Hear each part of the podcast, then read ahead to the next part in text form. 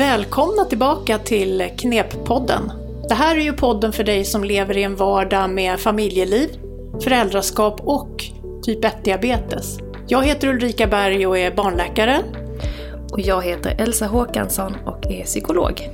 Och vid sidan av våra vanliga jobb så arbetar vi med Kunskapscentrum för egenvård vid typ 1-diabetes hos barn och unga. Och det kallar vi för KNEP och ni kan hitta mer på hemsidan karolinska.se knep. Typ 1-diabetes, ja det innebär ju att man inte kan bilda insulin. Och insulin det reglerar blodsockret, ser till att socker åker in i cellerna och att blodsockret ligger på en bra nivå. Så om man inte har insulin, ja då behöver man få insulin utifrån och man behöver ha koll på sitt blodsocker. Och allt det där som man själv eller familjen behöver göra för att man ska må bra med sin diabetes, det kallas för egenvård. Man själv och familjen gör alltså jobbet. Och det är ju förstås utmanande, det kan ju de flesta förstå. Ja, och i den här podden så kommer vi fokusera på utmaningar som kan uppstå i vardagslivet med den här egenvården och ge lite exempel på olika strategier som man kan ha, ha med sig och testa och använda för att försöka möta de här utmaningarna. Och de strategier som vi pratar om här, det är ju sådana som brukar användas för att få just vardagsrutiner och familjesamarbete och så att funka bättre. Men vi, vi vill lägga till en diabetes-twist på det här. Och um, vi hoppas att det kan vara till hjälp i stunder då den här egenvården känns klurig att få till. Och ni som är föräldrar till barn och ungdomar med typ 1-diabetes, eh, ni har nog alla suttit där och, och, fått information om riskerna med diabetes. På kort och på lång sikt. Och när jag har träffat familjer med barn som ganska nyss fått diabetes, då har jag sett att det där ofta väcker väldigt mycket orostankar. Och det är vanligt att man som förälder tänker att man vill vara den där som får till det perfekta blodsockret i alla väder. Det råder ju inga tvivel om att man som förälder är dundermotiverad till att ens barn ska leva ett långt friskt liv. Utan risker förstås. För barnet och ungdomen, då, då kan det där med risker vara något som är så långt borta att eh, det nästan inte går att ta in när man är mitt i nuet och har fullt upp med det redan utan diabetesen. Och hjärnan är ju faktiskt i en mognadsprocess. Och det är faktiskt så att det är först i de sena tonåren, eller kring drygt 20 års ålder, som man har färdigt konsekvenstänk och planeringsförmåga. Och dessutom är alla olika som individer. Det är verkligen lätt hänt att man som förälder hamnar i den där tjatfällan och som förälder bryr man sig ju om de där långsiktiga konsekvenserna och riskerna på ett helt annat sätt kanske än vad ens barn eller ungdom gör. Och man drivs ju också av den där oron och omtanken. Och barnet eller ungdomen har kanske andra drivkrafter och snarare blir irriterad på föräldrarna. Alltså Elsa, nu, nu tänker jag att här, här vore det bra med lite hjälp från dig. Hur kan man som förälder hjälpa sitt barn att ta hand om sig mer Eh, och hur tar man sig ur den där tjatfällan som så många kan känna att de hamnar i? Ja, alltså det här är ju en stor utmaning för många det här. Att, att just peppa barnen och, eller ens tonåring och göra de här egenvårdsgrejerna. För som du säger så, ah, det är inte så konstigt att det här är trögt. Um, för det som påverkar ens motivation mest, det är sånt som händer här och nu. Och så är det ju extra mycket för barn och ungdomar som, som eh, sällan kanske tänker på hur det kommer bli när jag blir vuxen. Så. Men som förälder så har du ju det tänket då. Och då kan man ju lätt uppleva det som att dels att det saknas motivation och att man själv är den som behöver liksom driva fram allt det här själv. Man är, som vuxen är man den som kommer med alla initiativen och så. Och det, man kan känna liksom en frustration i det här och bli orolig, liksom, hur ska det gå eh, för mitt barn att ta över de här grejerna själv och göra det här självständigt? Ja, jo men det är ju verkligen förståeligt. Man har ju jätteansvar som förälder. Men vad är det som händer då när man nu hamnar i tjatfällan och känner hur liksom klorna slår till om en i den här fällan? Ja, precis. Alltså, ett vanligt problem som uppstår um, när man, när man hamnar i en sån här eh, fast, eh, ett sånt här fast läge. Det är att man ofta fokuserar på det som inte funkar. Alltså ens hjärna blir väldigt inriktad på att försöka lösa problemet. Um, och uh, då kanske det är så att vi pratar mycket om det som inte funkar. Vi kanske frågar mycket om det som inte funkar. Så att mycket av vår uppmärksamhet hamnar på det där.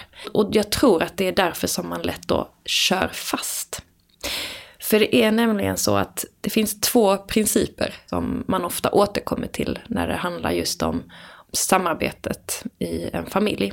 Och det första är det här att det som vi vuxna eller vi föräldrar uppmärksammar, det är ju sånt som ofta sen fortsätter. För att föräldrars uppmärksamhet, det är en väldigt stark drivkraft för barn. Oavsett om den här uppmärksamheten är positiv eller negativ så kan den fortfarande göra att det, liksom, problemen förstärks.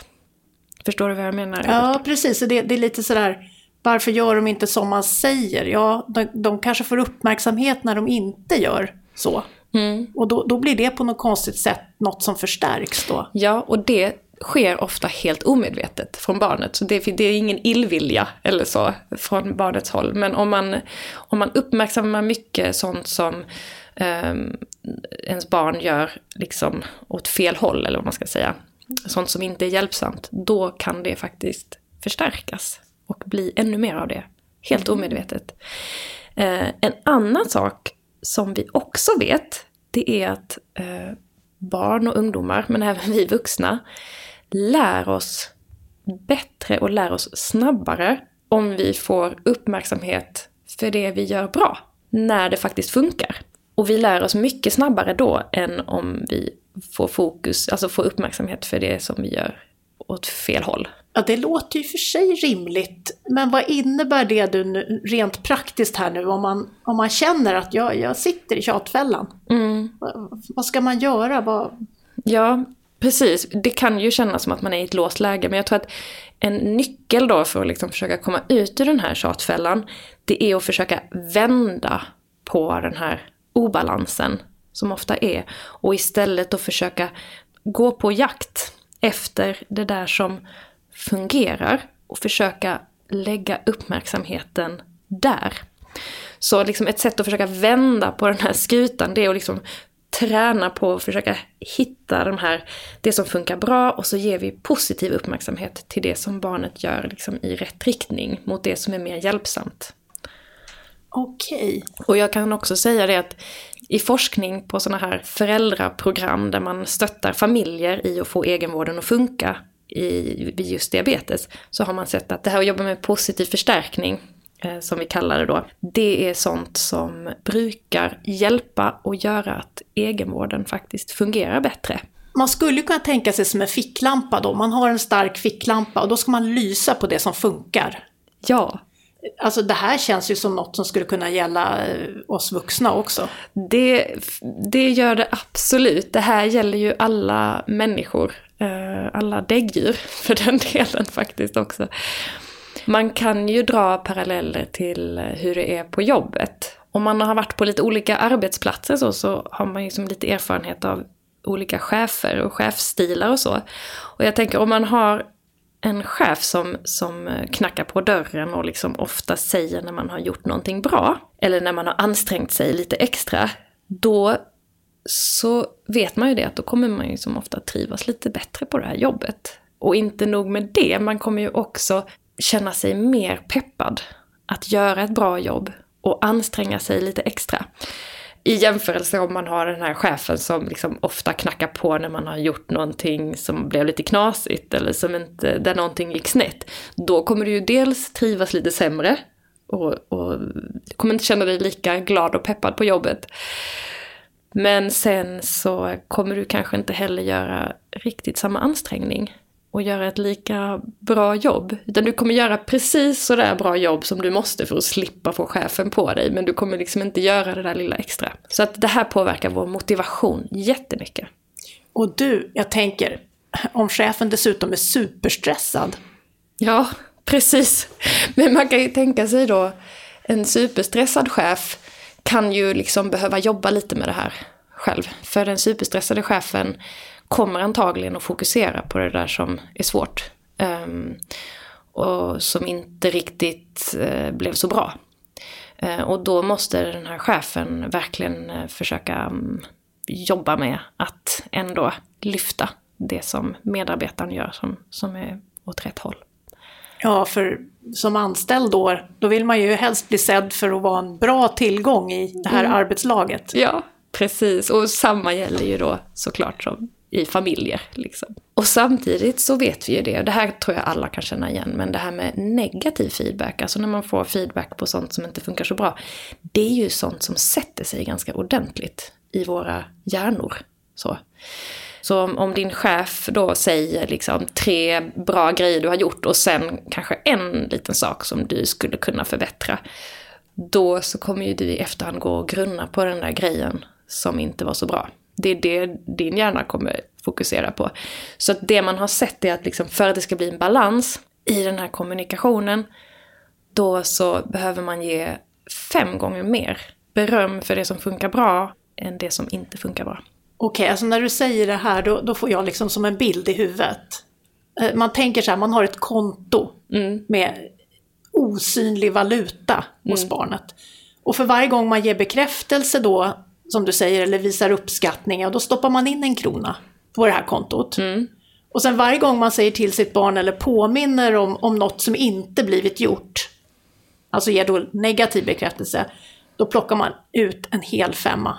Ja, Ja men och, så kan man ju verkligen se det. Ja, och, och, målet måste ju rimligen vara att ligga på plus. Kanske lite förenklad bild, men ändå. Ja.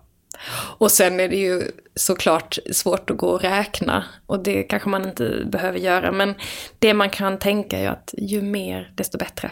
Men sen har vi ju en klurighet här vid diabetes. För så här, ett vanligt råd man ger till föräldrar, det är ju det här att för att få till den här balansen så kan man behöva välja bort strider. Man kan behöva liksom välja bort påminnelser eller tillsägningar eller så. Och vid diabetes så kan ju det här vara jätte svårt. För man måste påminna om ditten och datten, man måste fråga om de här sakerna. Och just kanske därför, att man har liksom så många fler grejer man måste påminna om, då måste man också ta ut mer från kontot. Och just därför så kan det vara extra hjälpsamt att tänka på det här och, och försöka sätta in så mycket som möjligt hela tiden. Alltså det här låter ju smart. Men, men rent konkret då, då, hur gör man då? Ja, alltså det första jag skulle göra det är ju att först fundera på vad det är som jag vill uppmuntra hos mitt barn. Om vi nu fokuserar på egenvården då, så kan man börja med att liksom skriva upp det man kommer på. Liksom, är det när ditt barn kommer ihåg att ta med någonting, till exempel ta med Dextro i fickan till skolan?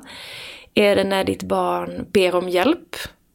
Så, eller är det när ditt barn berättar saker för dig som handlar om diabetesen? Eller kommer med egna förslag när ni försöker lösa något eh, diabetesproblem ihop? Så spåna och brainstorma och fundera. Vad, vad är det jag vill hjälpa mitt barn att göra mer av? Och här eh, måste jag lägga till en liten regel. Så. För här gäller det att fokusera på det som ens barn gör och inte resultatet, alltså inte prestationen.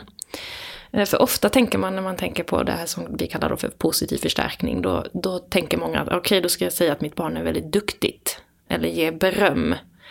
Men det är egentligen inte det som är grejen, utan det vi kan påverka, det är ju liksom själva beteendet. Och det är det vi ska också fokusera på. Så att det inte blir liksom en prestationsgrej kring det här. Jag tycker det är jättebra att det kommer upp här nu, för att eh, det är så lätt hänt att även vi inom vården liksom fokuserar på resultat. Och ett sånt kan ju vara långtidsblodsockret, eller det som brukar förkortas HbA1c. Alltså värden eller resultatet av en förändring. Mm. Eh, så kanske har barnet eller ungdomen verkligen gjort massa viktiga saker som på sikt kommer att ge en bra effekt på det här viktiga värdet mm. för hälsan. Men, men inte än, man ser inte resultatet ännu. Mm. Och, och, barnet kan ju verkligen, som du säger, bara påverka sitt beteende och, och inte resultatet. Mm.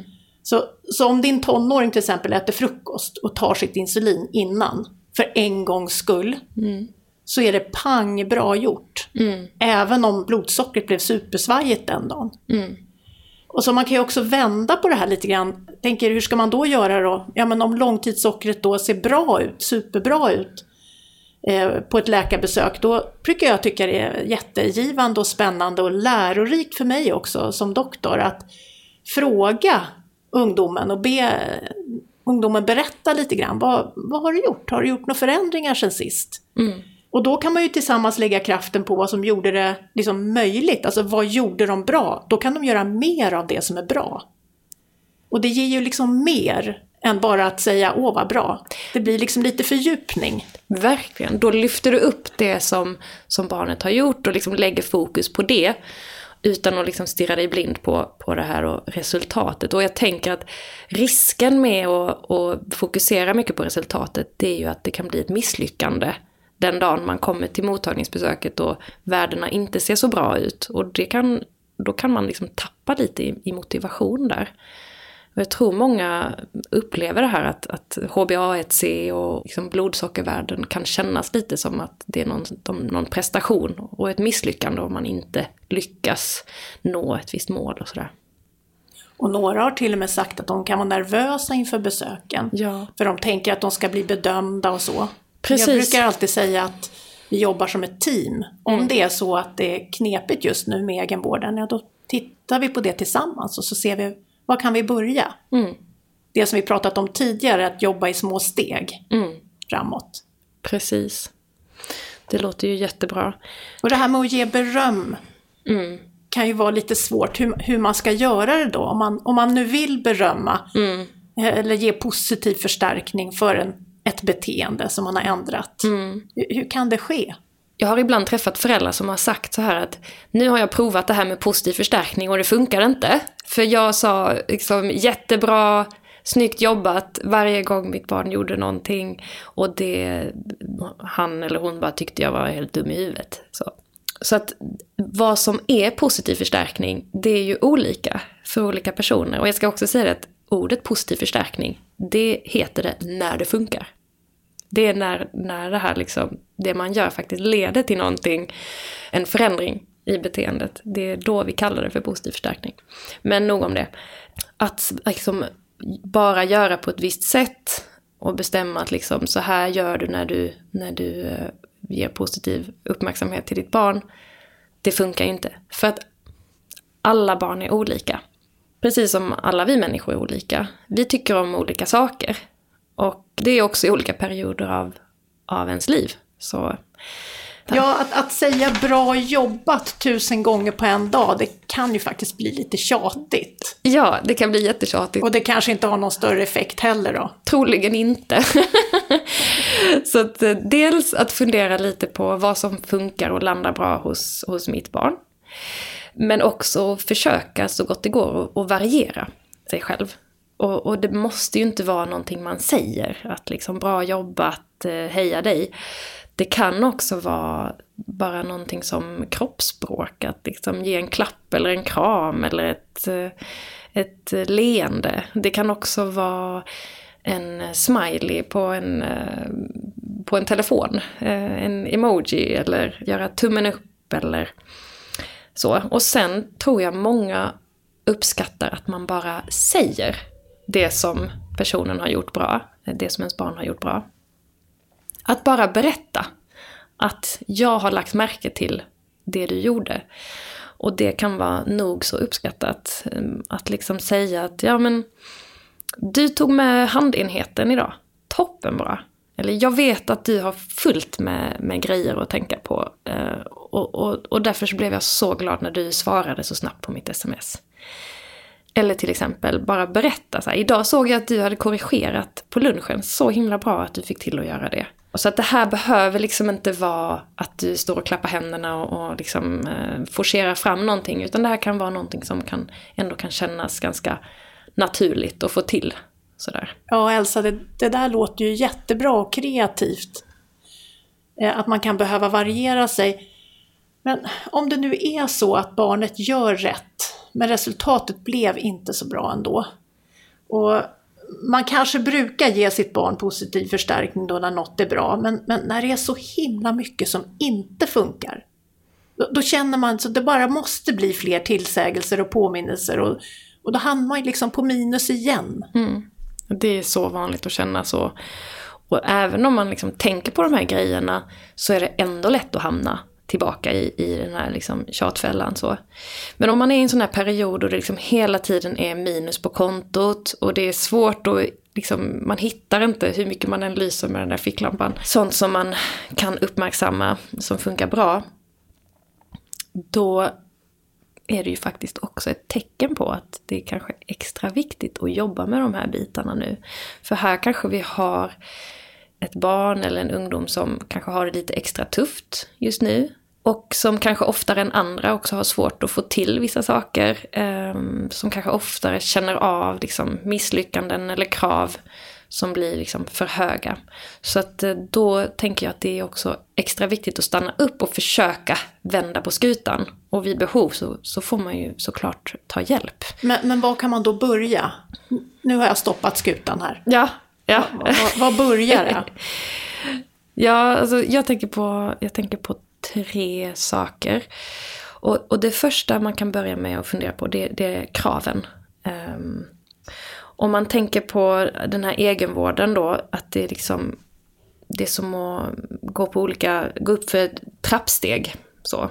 Med allt som man vill, alla ambitioner man har och sådär. Allt, eh, allt som man tycker ska förändras och ens barn ska göra och så. Då så kan vi också påminnas om det vi har pratat om tidigare, att försöka dela upp de här sakerna i trappsteg. Så att minska ner lite grann på nästa trappsteg och fundera på att kraven som, som mitt barn ställs inför ska vara, ska vara lätt, det ska vara lagom mycket. Det ska vara lätt att gå upp på nästa trappsteg.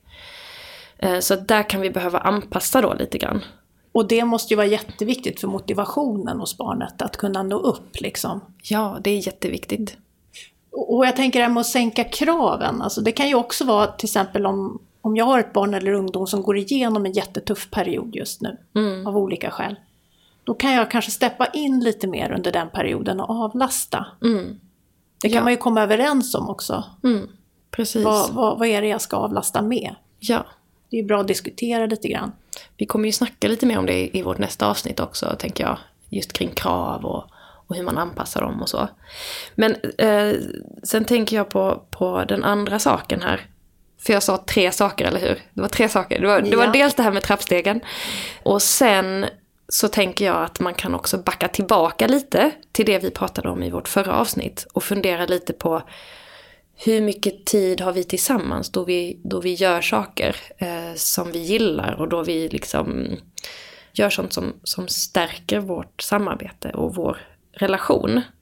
För jag tänker att får man till den där liksom positiva stunden tillsammans, då blir det kanske också lättare att hitta de där sakerna som ens barn gör bra.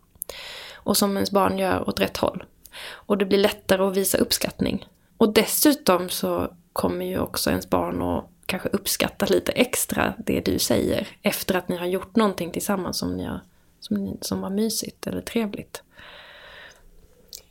Ja, klokt det där Elsa. Så för att sammanfatta det vi pratat om idag.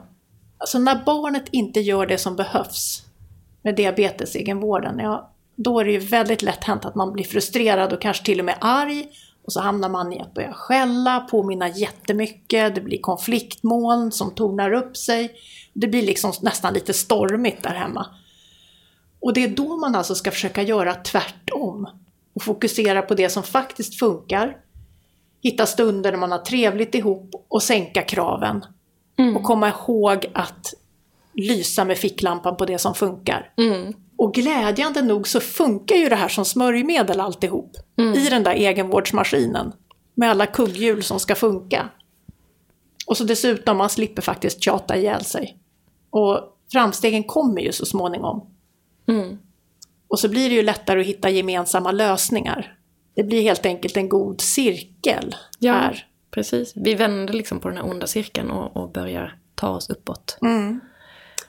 Och nu har vi kommit fram till dagens knep. För idag vill vi slå ett slag för diabetespratstunden. Så här funkar det. Man avsätter en stund regelbundet där hemma med sitt barn eller ungdom. Och det kan vara fem minuter om dagen eller kanske bara fem minuter i veckan till att börja med.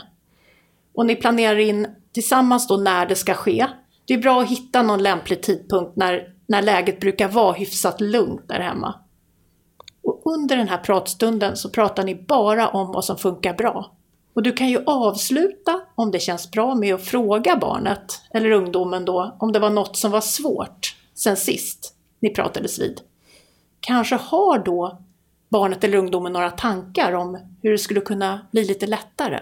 Och där har ni ett tillfälle att prata olika lösningar. Om det kommer upp. Ja, precis. Det här tipset fick vi från, från en förälder som, som upplevde att det landade väldigt bra hos hennes eh, ungdom. Då. Nästa avsnitt handlar om hur man kan tänka när man ska ge sitt barn fler och fler uppgifter i egenvården. Och det kanske låter lätt, men alla som försöker vet att det här kan vara en lite skakig väg framåt. Så vi vill skicka med en fråga till dig som lyssnar. Vilka sätt påminner du på? Och med det har vi kommit till slutet av det här avsnittet och vi tackar för oss och tipsar om vår hemsida karolinska.se knep. Hej då! Hej då!